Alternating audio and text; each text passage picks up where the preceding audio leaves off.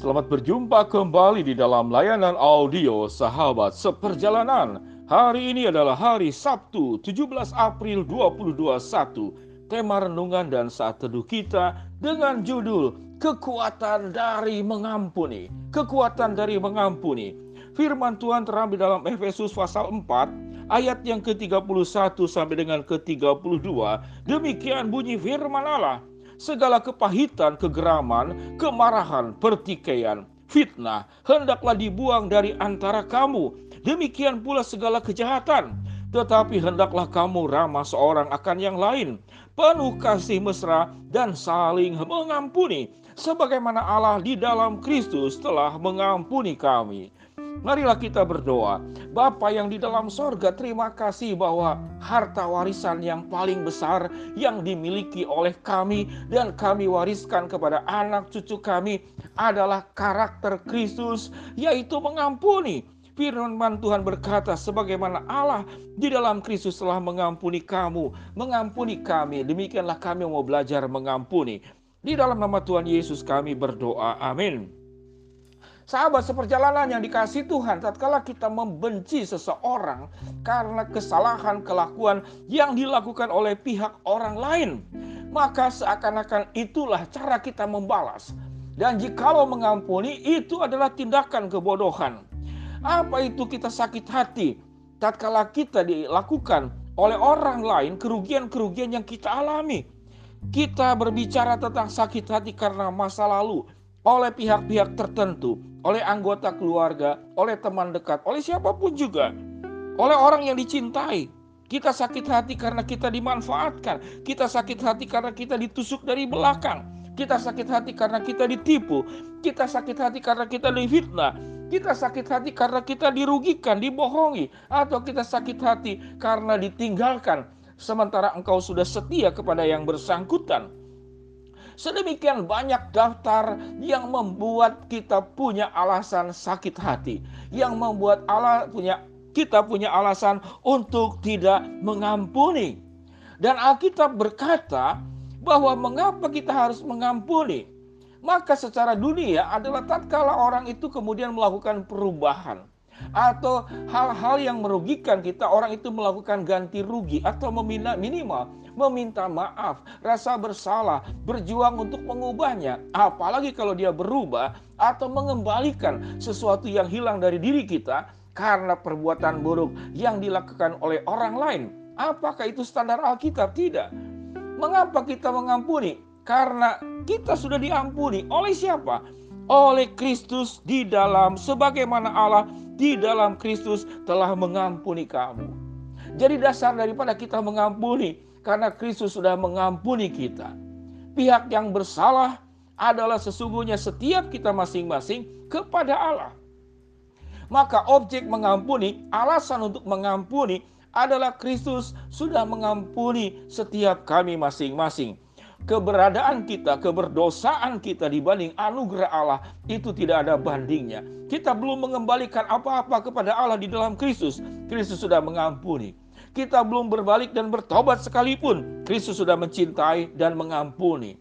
Kita belum melakukan katakanlah perubahan hidup yang baik, Kristus pun sudah mengampuni sebelum bahkan sebelum engkau meminta ampun. Sahabat seperjalanan, apa itu manfaat mengampuni? Waktu engkau mengampuni, engkau menjadi lebih kuat karena yang dimasukkan di dalam dirimu adalah energi positif dan bukan negatif. Engkau tidak memasukkan sampah di dalam hatimu, pikiranmu, dan perasaanmu. Sehingga manfaat mengampuni adalah engkau menjadi pribadi yang lebih kuat. Apa itu manfaat mengampuni? Engkau sedang memberikan warisan yang sangat berharga kepada anak cucumu, yaitu apa? Warisan harta karakter yang tidak bisa dibeli oleh uang, namun hanya bisa dihidupi dan dijalani oleh dirimu. Sahabat seperjalanan, Karakter mengampuni adalah harta warisan. Harta warisan yang kita turunkan. Kita sedang mewariskan iman harta kita kepada anak cucu kita. Sahabat seperjalanan, apa dampak membenci? Apa dampak dari sakit hati? Dampaknya adalah kita sedang memasukkan racun dalam kehidupan kita. Itu dampak daripada membenci. Apa itu dampak dari membenci? Kita sedang memperpendek umur kita. Orang yang benci, orang punya hal-hal negatif yang Alkitab katakan kepahitan, kegeraman, fitnah, kejahatan itu memperpendek umur kita. Boleh tanya kepada dokter. Dan sewaktu kita tidak mengampuni, kita membenci, maka kita sedang menambah banyak penyakit dalam hidup kita. Baik penyakit pikiran, penyakit hati, juga penyakit fisik. Apa dampak tidak mengampuni dan membenci? Kita sedang melambatkan langkah masa depan kita untuk menuju ke depan. Dan dampak daripada membenci, kita sedang merusak kecerdasan kita. Orang-orang yang membenci, maka cara berpikirnya menjadi tidak cerdas, maka menjadi picik, maka menjadi sempit, maka sedang memperbodoh dirimu atau mengurangi kecerdasanmu. Sahabat seperjalanan, Rasa sakit itu bukan untuk dilawan, tapi untuk disembuhkan, untuk diatasi, untuk diselesaikan. Alkitab mengajarkan bahwa mengampuni itu adalah perbuatan baik yang engkau lakukan kepada dirimu sendiri. Kalau engkau tidak mengampuni, maka engkau sedang melakukan perbuatan jahat kepada dirimu sendiri. Jadi siapa pelaku daripada kejahatan? Orang yang melukai kamu dan juga engkau pelaku yang utama Engkau sedang berlaku kejahatan kepada dirimu sendiri. Engkau sedang merusak dirimu. Mengampuni itu bukan sedang menyetujui perbuatan orang lain yang melukaimu. Saya ulangi kembali. Mengampuni bukanlah sebuah sebuah sikap menyetujui perbuatan yang dilakukan orang lain yang menyakitimu, tapi engkau sedang menyerahkan perbuatan orang tersebut kepada Allah. Mengampuni juga bukan sedang menunjukkan kelemahanmu, Mengampuni engkau sedang menunjukkan kekuatanmu sebagai pribadi yang menghidupi kehidupan itu dengan benar. Mengampuni juga bukan tindakan bodoh, namun mengampuni adalah tindakan-tindakan oleh orang-orang yang memiliki hikmat Allah. Dan yang terakhir, mengampuni hanya milik orang-orang yang keren. Keren di dalam menghidupi iman.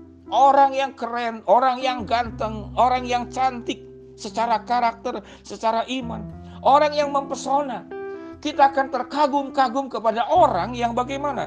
Yang mampu mengampuni, yang mampu menyerahkan perbuatan buruk orang lain kepada dirinya. Itu menyerahkan kepada Allah. Mengampuni juga adalah seperti seseorang yang memiliki mobil mewah dan digunakan. Kalau engkau tidak mengampuni, engkau hanya mengampuni dari mulut saja. Engkau seperti punya mobil mewah namun tidak pernah dikendarai. Engkau hanya simpan di garasi kehidupanmu. Mengampuni itu adalah kendaraan mewah yang engkau gunakan. Dan engkau bepergian ke mana pun. Engkau sedang membawa sebuah kemewahan hidup. Karena apa? Karena kita mengampuni. Sahabat seperjalanan yang dikasih Tuhan. Kekuatan dari mengampuni. Daftarnya sedemikian banyak. Mari kita mengimani firman Tuhan. Efesus 4, 31 sampai dengan 32. Segala kepahitan, kegeraman, kemarahan, pertikaian, fitnah hendaklah dibuang dari antara kamu. Demikian pula segala kejahatan, tetapi hendaklah kamu ramah seorang terhadap yang lain, penuh kasih mesra, dan saling mengampuni, sebagaimana Allah di dalam Kristus telah mengampuni kami dan mengampuni kamu. Shalom sahabat seperjalanan yang dikasih Tuhan. Mau jadi pribadi kuat, mau jadi pribadi merdeka, mau jadi pribadi yang bahagia, mau pribadi yang bersuka cita, mau pribadi yang penuh dengan kemenangan, mengampunilah. Karena kekuatan dari mengampuni sedemikian dahsyat. Mari kita berdoa. Bapak yang di dalam sorga hambamu berdoa buat sahabat seperjalanan yang sedang sakit di rumah sakit ataupun di rumah. Tuhan jamah, Tuhan sembuhkan. Buat sahabat seperjalanan yang sedang menghadapi kesulitan, tantangan, rintangan masalah dalam kehidupan, khususnya luka-luka kehidupan yang terjadi. Biarlah Tuhan akan membukakan jalan dan ajar kami untuk belajar mengampuni sebagaimana Kristus di dalam sebagaimana Allah di dalam Kristus telah mengampuni kami. Ya Tuhan, bagi kami yang sedang memohon berharap sesuatu, Tuhan akan kabulkan sesuai dengan waktu, rencana dan kehendak-Mu. Di dalam nama Tuhan Yesus kami berdoa. Amin. Shalom sahabat seperjalanan. Pahami, pelajari, hidupi, jalankan, lakukan kekuatan dari mengampuni. Shalom, Tuhan memberkati kita semua. Happy weekend. Amin.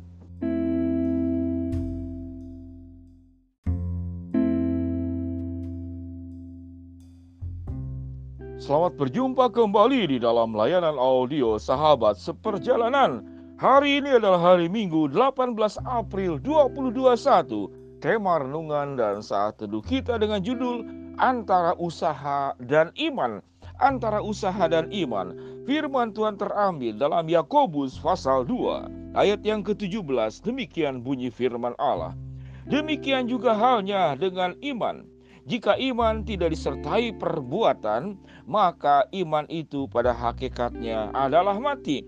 Demikian juga halnya dengan iman. Jika iman itu tidak disertai perbuatan, maka iman itu pada hakikatnya adalah mati. Mari kita berdoa. Bapa yang di dalam surga, terima kasih kami bersyukur bagaimana Allah selalu menyertai di atas segala usaha, di atas segala perjuangan, di atas segala jerih lelah yang kami kerjakan. Bagaimana tatkala kami mengerjakan bagian kami, maka Tuhan sedang mengerjakannya juga bagiannya.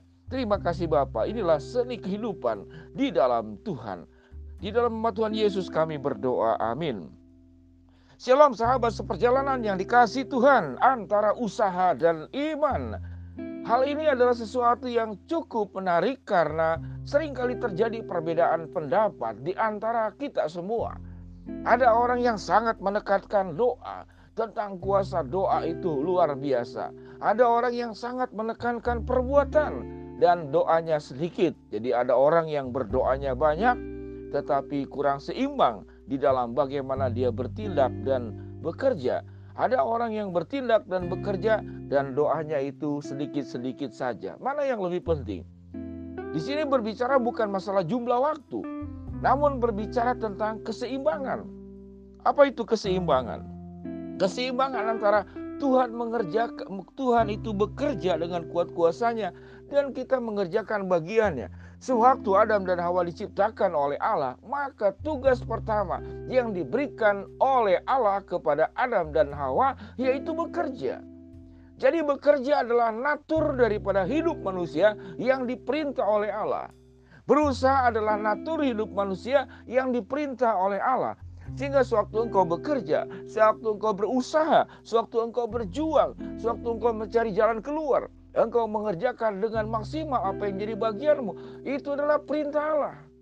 Dan berdoa juga adalah perintah Allah. Engkau dipanggil oleh Allah untuk berdoa, berdoalah senantiasa, andalkanlah Tuhan, mintalah kepada Dia. Dia adalah kota benteng kita, Dia adalah penghiburan kita, Dia adalah gembala kita dan segala sesuatunya. Jadi kedua hal ini itu diperintahkan oleh Allah. Jadi orang yang kemudian lebih banyak berdoa, jangan mencibir, jangan mengatakan orang yang terus berjuang, namun dia juga sedang melakukan apa yang diperintahkan oleh Allah. Jadi berdoa itu diperintahkan oleh Allah, berjuang juga adalah diperintahkan oleh Allah. Sehingga tidak heran dikatakan Yakobus 2 ayat 17 dikatakan apa? Demikianlah juga halnya dengan iman itu. Jika iman itu tidak, tidak disertai perbuatan, maka iman itu pada hakikatnya adalah mati. Apakah perbuatan lebih tinggi dari iman? Tidak. Apakah iman lebih tinggi dari perbuatan? Tidak juga. Karena iman tidak boleh tanpa perbuatan. Dan perbuatan juga tidak boleh tanpa iman. Waktu engkau berbuat, engkau sedang mengerjakan bagianmu. Sewaktu engkau beriman kepada Allah, engkau percaya bahwa Allah bisa melakukan perkara-perkara di luar kemampuan kita.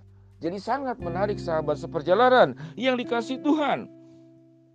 Dikatakan pada ayat 19 dalam pasal yang kedua, engkau percaya hanya ada satu Allah saja, setan-setan pun juga percaya.